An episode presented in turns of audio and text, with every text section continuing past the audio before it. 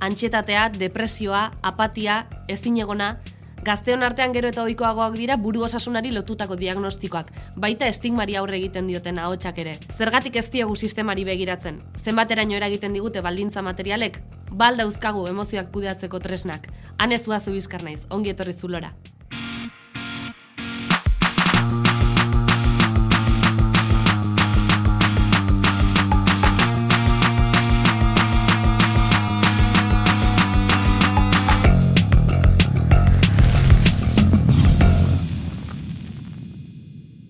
Buru osasunaz ari gara gaur norbere buruari e, arreta jartzeaz, eta horretarako zulora etorri dira, sugoi etxarri, German Urteaga eta Maili Etxeberria. Alakoetan beti esaten da, lehenengoa edo garrantzitsuena dela e, gaitzak identifikatzea edo norberak bere buruan identifikatzen jakitea, German, zurekin e, hasiko naiz, ez dakit antxetatea esaten dugu hitz, hitz potoloa da, baina baina erraza da identifikatzen ikastea? Ez, hola, erantzun zuzen matemateko, ez. E, amabi urten euskela, hor antxedadia sofritu nun, baina antxedadia sofritu nun ikasketen ondorioz. Orduan, kontua mm, nik nota oso ateratzen ditula, baina eraman barran nekan dena, osea, kontrolatuta eta kontrola bada ansidadeakin erabat lotua egon zerbait, azken dena kontrolatuta eduki nahi degunian, zerbait ez baldin bada ateratzen nahi dugun bezala, edo pentsatze utxa hola ez dela aterako, ba horrek ansidadia e, sortze dugu. Ez da horren, ni dena ikasi barranekan de PAP esaten da, na, gazteleraz, eta gero e, sufritu egiten nun alare. Alegia, ni azterketan egon oso oso ondo prepatuta, baino sufritu egiten nun, eta gero azterketan zuzen pasatze bazan eo, ba, oso oso gaizki pasatzen nun, eta psikologona jo nintzen nahi zuzen ere e, horregatik, eta presio guztia ez nik nire buruari jartzen nion, presio guztian ondorioz. E, hori nola manifestatzen zen, ba, gaizki egiten dezulo, e, Orduan, hor insomnioa da ba, sintometako bat, adibidez, e, baita ere gertaliteke, e, haun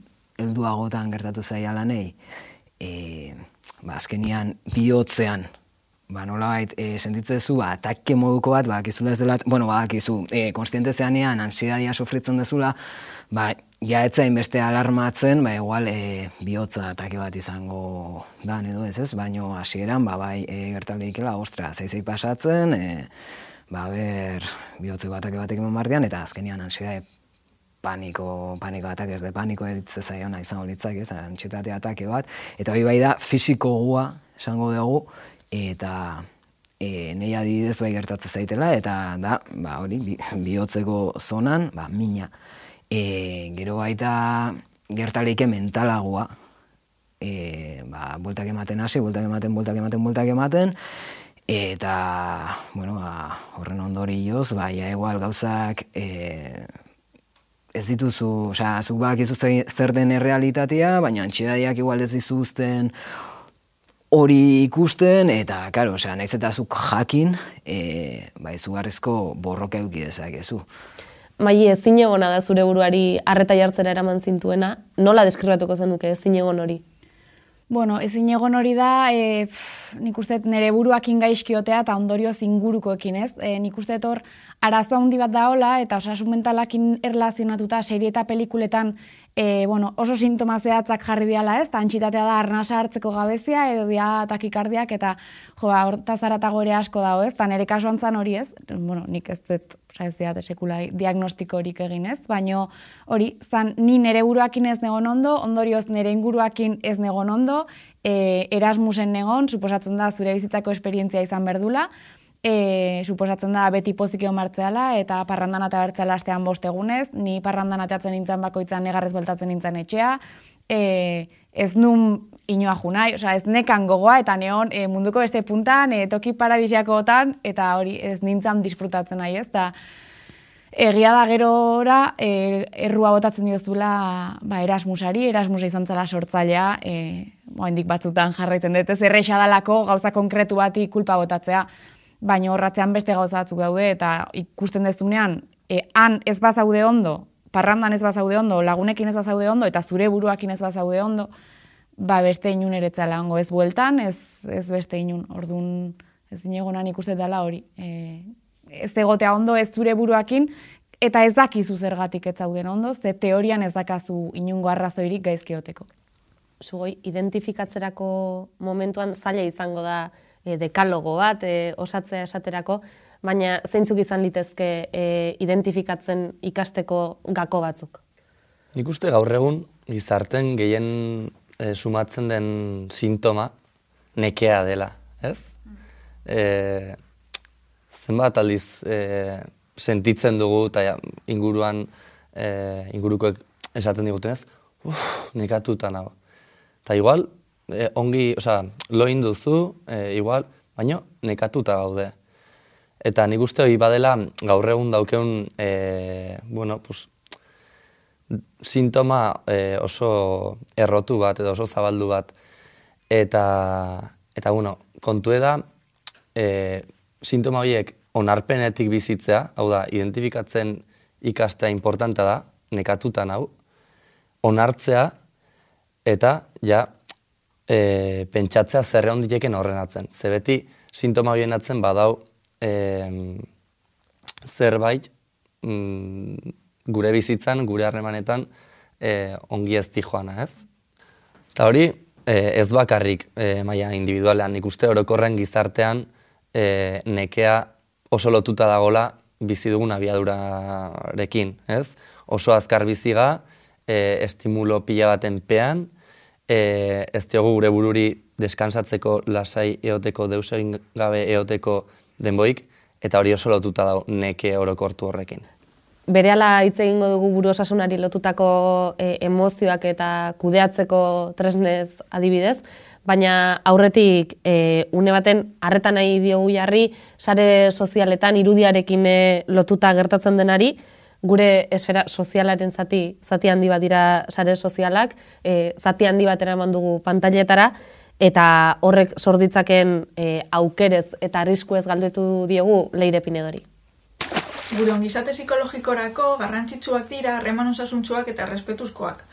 Hau, importantea da ere sare sozialetan, bereziki gazteen artean denbora gehiago ematen dutelako horietan, eta hauek eragin positiboa edo negatiboa izango dutelako ematen diegun erabileraren arabera. Sare sozialak dituzten bi ezaugarria ipatuko nituzke. Lehenengoa, sare sozialetan ikusten duguna ez dela errealitatea. Errealitate desitxuratua da, non agertzen dira gauza atseginak, soriontsuak, perfektuak, eta egunerokoa edo negatiboa saiesten da. Horregatik, denbora gehiegi pasatzen badugu, e, sare sozialetan normala zer den desitxuratu dezakegu, eta konparatzean, pentsatu dezakegu besteek baino kerrago gaudela, eta decepzionatua sentitu gure bizi moduarekin. Bigarren ezaugarria anonimatua da. Modu anonimoan erabiltzea pertsona batzuentzat aukera da e indarkeriaz jokatzeko, badakitelako ez duela ondoriorik izango. Horregatik kontuan izan behar dugu non gauden, etxai giro aurkitu dezakegula eta erraza dela abusuak edo lekuzkanpoko komentarioa jasotzea.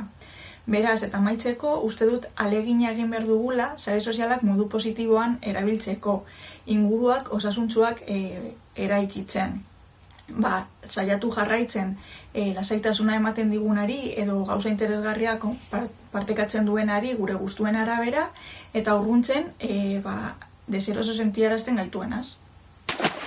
Sare sozialak eta isialdia kudeatzeaz, modu osasuntxuan kudeatzeaz hitz egin du leire pinedok, ez dakit, e, sugoi izan noteliteken hori abia puntu bat, e, buru osasuna zaintzen hasteko edo kudeatzen hasteko?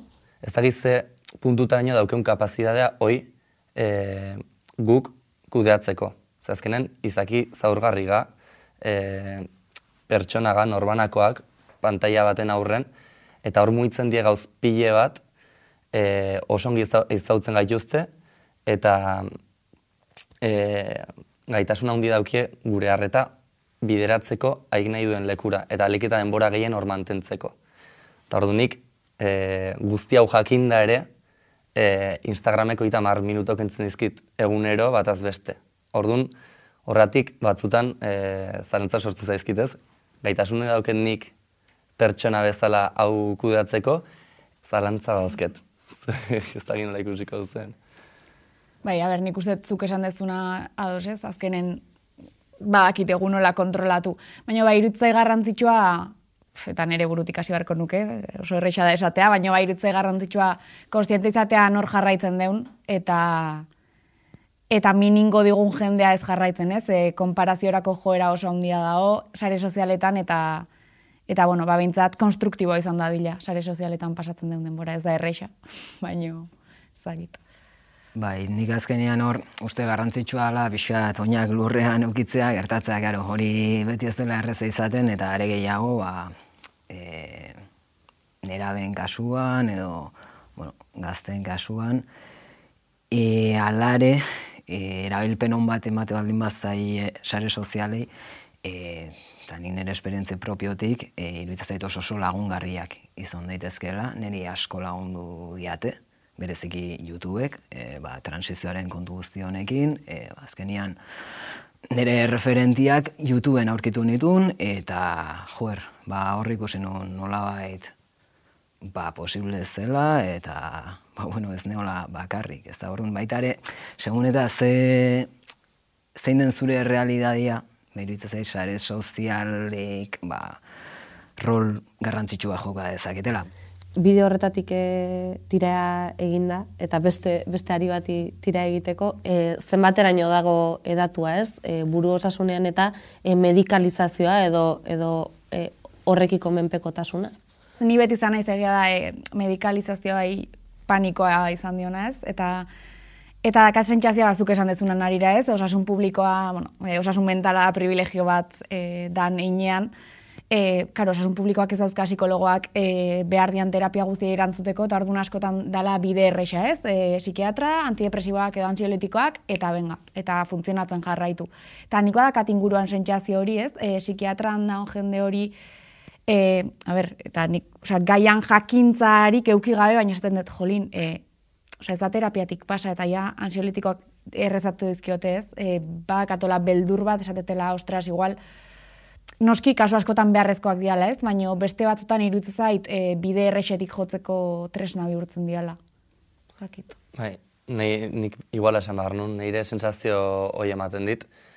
E, iruditzen zait, nahiko gizarte paliatiboan bizi gala, hau da, minak arintzeko e, pus, bide errexak e, konsumitzera bideratzen gaituzte orokorren, eta, bueno, bai e, medikazioaren aldetik eta bai drogan aldetik, irutzen zait kriston joera daukeula, e, dauzkeun utxunek maila psikologikoan, e, kudak eta emozionalean eta e, gure harremantzeko ereduetan, ordezkatzen saiatzen gala, e, ba hori, mm, sustantzien bidez. Nik ikusi dut, e, ez dizutela ainerrez ematen medikazioa.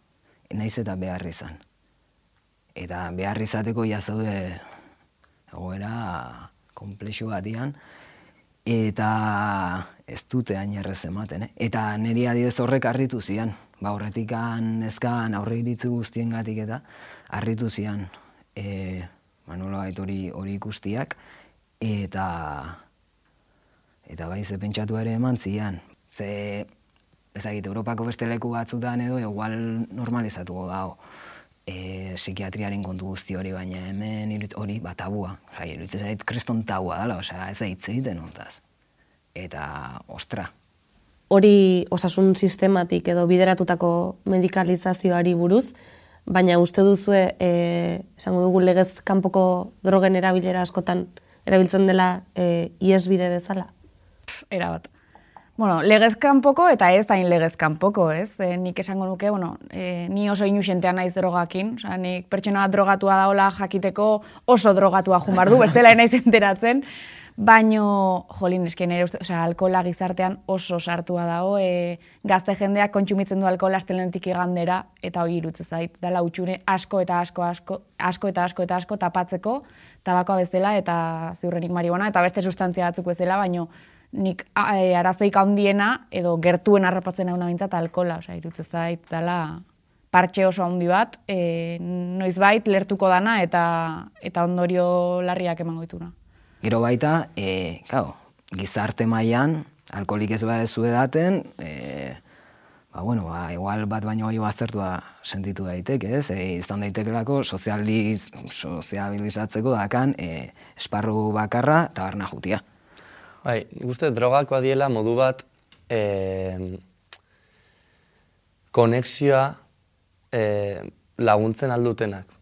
Hau da, e, beste personekin egunerokoan e, harremantzen ga nahiko modu e, arautuetan, ez? Eta bizkoat, arau hori puskatu eta bestekin konexioi e, bilatzen edo bueno, e, lortzen laguntzen duen zerbait. Eta e, iruditzen zait, neurri baten, oza, horre badula, bere alde, ez dakit esan, mm, oza, uler, ulertzekoa da, ez? Baina bestalde batetik iruditzen zait, kontsumo hori badela sintoma bat gizarte honen e, arazo struktural batzuena. Hau da, nola harremantzen ga, e, nola harremantzen ga gure burukin, e, ez? Osa, gauza asko, e, modu egokin bideratzen ez ditugunak, ba, e, drogan bidez saiatzen ga e, ordezkatzen, ez? Eta iruditzen zait, urte hontan, pandemia ondorengo urte hontan, e, ba, ikusi dela, ez? Espazioak aldatu die, parrandaiteko lekuk aldatu die, eta nik uste agerigoan gelditu dela e, dau, dauzkeun menpekotasunak e, olako sustantziekiko askotan erabiltzen dugu agur bezala zer moduz e, esan moldea, askotan erantzuten dugu eta jasotzen dugu bueltan ondo orokortu bat, ia esan nahirik ez duena. Portillo, zer moduz gaude? Kaixo, Julen Portillo naiz eta hemen gaude zulotikat galdera batzuk egiteko. Ama eta hogeita behatzi urte bitarteko gazten euneko hogeita amarrak buru osasun arazoren bat izan du azken urtean. Behar beste zaintzen dugu gure buru osasuna? Guazen galdetzera. Zaintzen duzu zure buru osasuna? Bai, nik uste baiet. Nik uste berrezkoa dela eta saiatu bintzat zaten naiz. Saiatzen, naz behintzat. Nik uste baiet, ez, bueno, behintzat saiatzen naiz hori egiten. Ez da hitz zaintzeten bai ez, baina saiatzea, ja. Eta nola zaintzezu? Ba, osasuntxa izaten eta lagunekin nina izan bezala izaten. Pues egunerokotasunen igual pausatzen pixka eta pentsatzen aber zemuz nahon, ondo nahon. Momentu bat lasai hartu eta pentsatu zer, zer diator o zer ez da eta beharrezko usten bat, da bueno, laguntza eskatze taldeten egin. No? Arazoren bat uste dudanean daukadala, basaiatzen naiz arazori nire buruarekin hitz egiten eta arazorri nola baiteko erantzun bat bilatzen.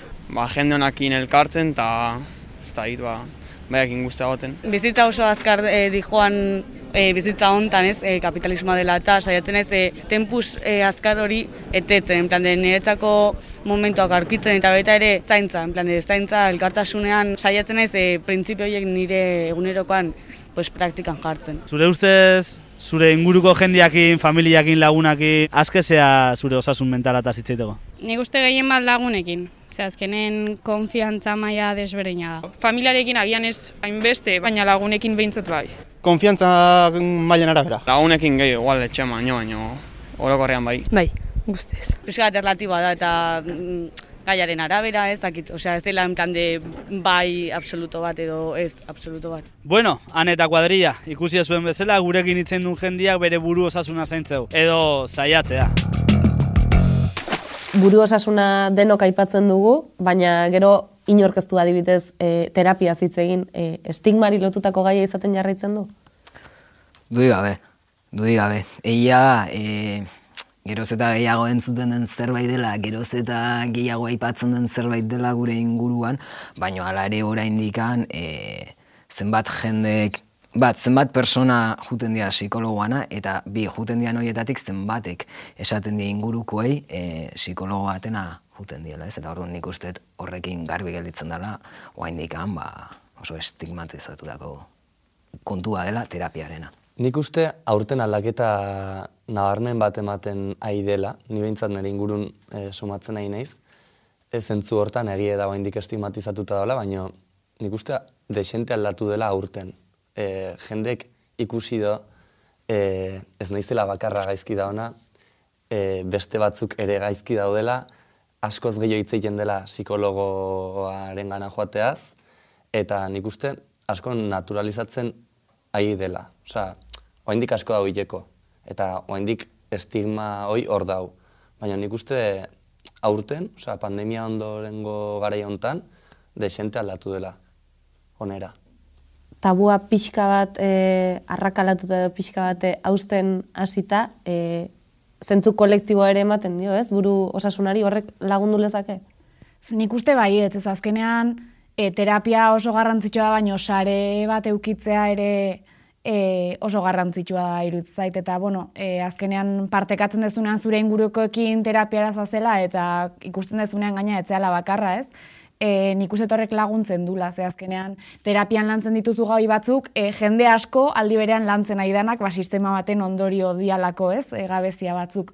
Eta hoi oso oso aberasgarria irutze zait, ba, e, ez terapia moduan ez, baina bueno, e, konfiantzazko talde batean e, olako izketaldiak eukitzeak norberari laguntzen diola uste. Ze berez, e, German eta Maili, terapiara joatea erabakitzea, e, erabaki erraza izan zen? Niretzat ez. Eta ni jo nintzen terapia hori lehen komentatu betena zortzi urtekin, gero amabi urtekin, horretzan zaia izan, egia esan, e, zortzi urtekin manekilako laguntza behar nula bai edo bai, eta amabikin, ba, nula esperientzia hona eukinun, ba, bueno, ikasketen kontu bat zan, eta, bueno, hain grabearen nun ikusten, da, bueno, ba, lagundu guztian zerbait bezala ikusten nun.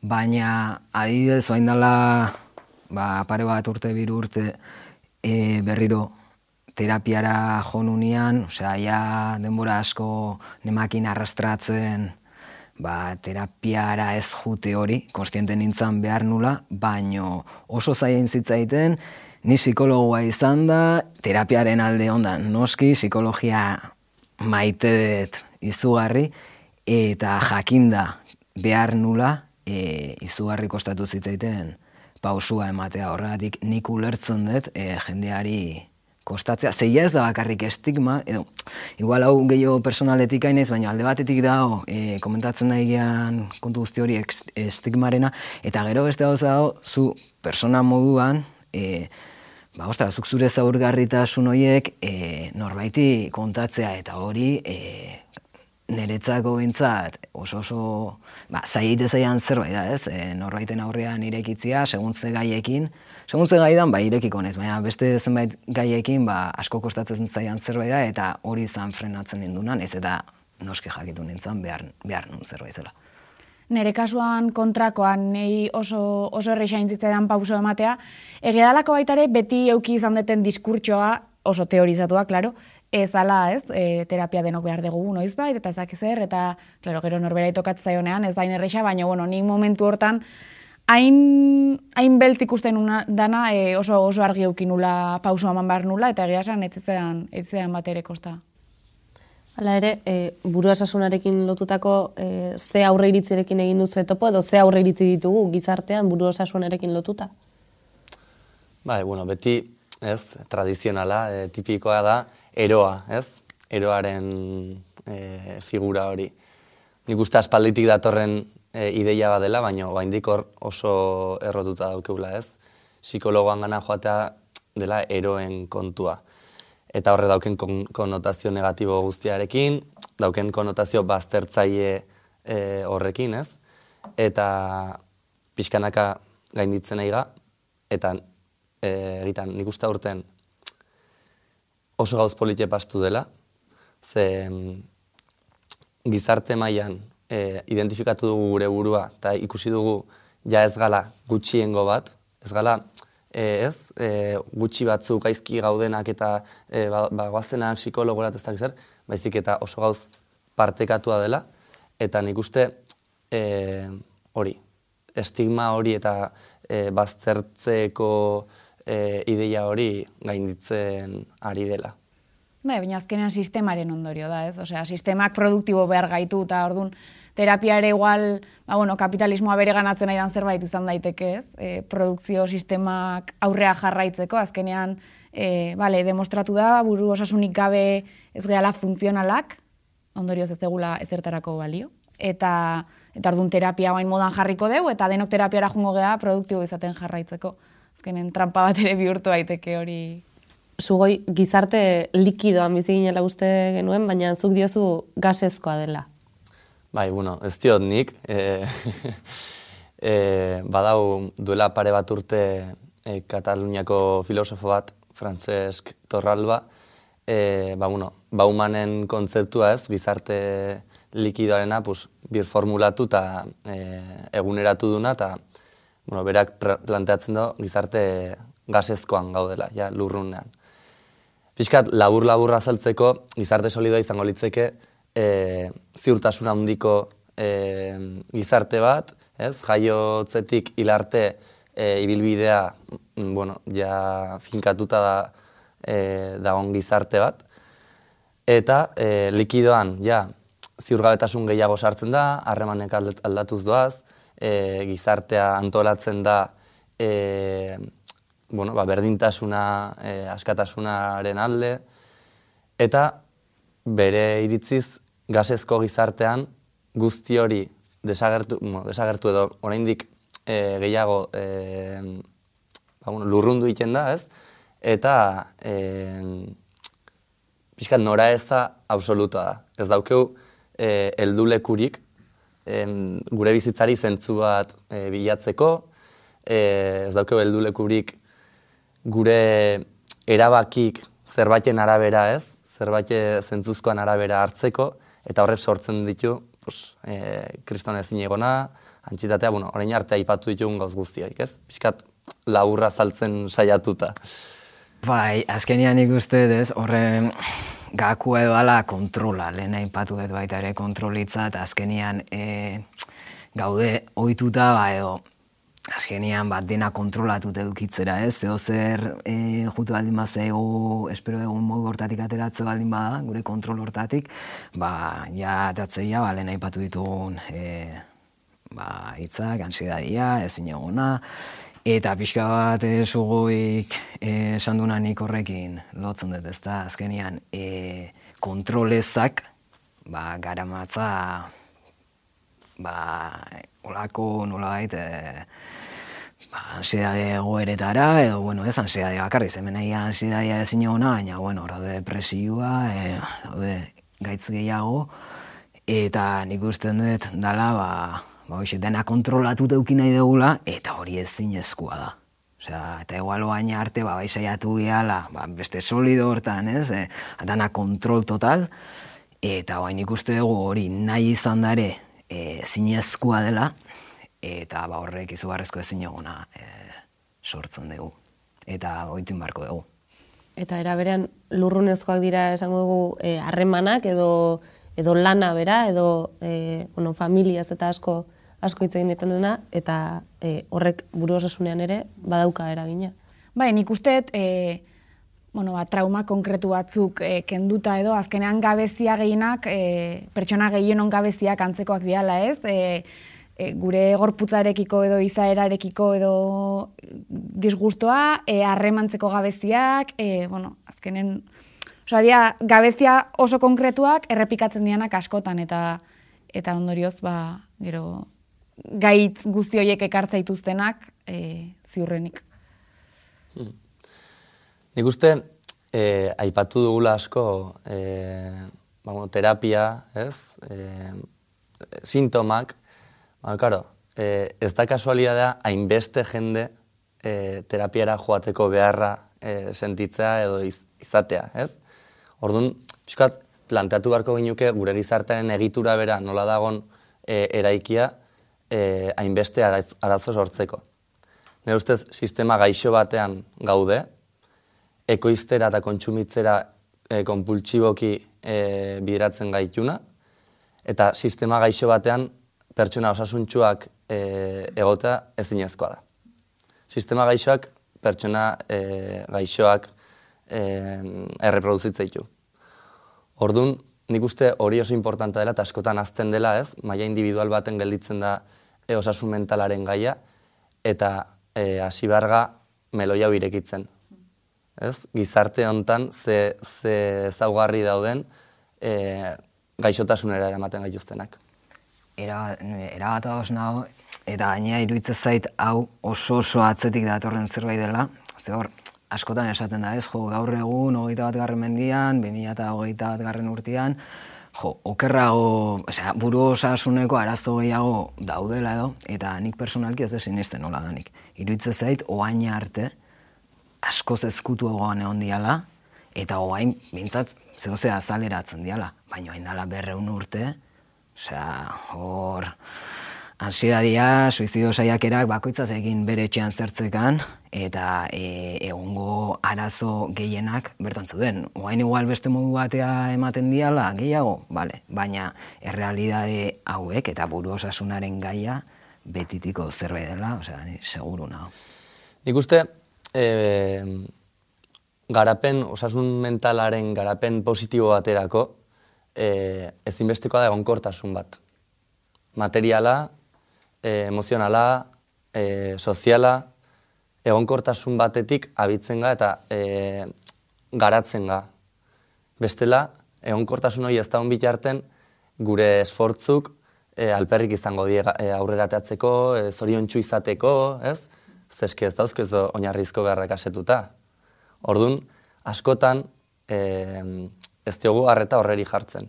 Oinarrizko beharrak asetu lehenengo, eta ikusi nola indezake unoi e, eta gero ja oza, e, loratuko ga, ez? Esan edot, e, lehenengo lurra eta gero e, beste guztia. Lurrunezkoak dira harremanak, e, lurrunezkoak dira lan baldintzak, e, gauza asko dira e, gasezkoak, buru osasuna mantendu daiteke ongi edo zaindu daiteke horrelako testu inguru batean? Ba hori, esaten nahi ginena. Azkenen, e, oso zaie da ongiotea e, ez dakizunen lan kontratua noiz arte e, luzatuko zaizun, hilabete bateko kontratukin edo aste bateko kontratukin, e, etxe bizitza eskubidea bermatu gabe da honen, gurasoen etxen bizitzena izanen ikusten duzunen zure gure gurasoen etxen bizitzen oita urtekin, oso zaie da egon balintza bitan ongi egotea. Bai, azkenen, privilegio bat da, baina privilegio asko daude, ez? Da privilegio guztiak eman berdia, edo eman beharko lukete, e, osasun, buru osasun egoki bateako, ez? Azkenen e, terapiara jute bazea, baino zugoik aipatutako gabezia horiek baldima daude, ba, bueno, bai, e, ba, silak bi hanka ordez hiru eukiko ditu, baina laugarrena faltako zaio ordun beti, beti kolokan da. Eta bixa lehen komentatu dena, ez? E, karo, gabezi horiek, baldin bazkazu, behar horiek, ez baldin bazkazu asetuta, ezingo dezu terapia bat jaso. Ba, terapia lujo bat, dela komentatzezun lehen maik eta ala da. Azken erremate horrekin itxiko dugu saioa, eskerrik asko izuen gogo eta gurekin partekatzearen, zuei terapia ezin dizuegu ordaindu, baina nahi baduzu sare sozialetan aurkituko gaituzue eta bestela bi aste barru ikusiko dugu elkar. Bitartean zaindu, buru osasuna ere bai. Zulora iru damatxok EITB-rentzat ekoitziteko saioak. Ikus gai duzu eitb.eus eta gaztearen YouTube kanalean. Eta entzun gai aldiz EITB podcasten. Instagram eta Twitterren ere aurkituko gaituz. Abildua Zulora Bekomarra.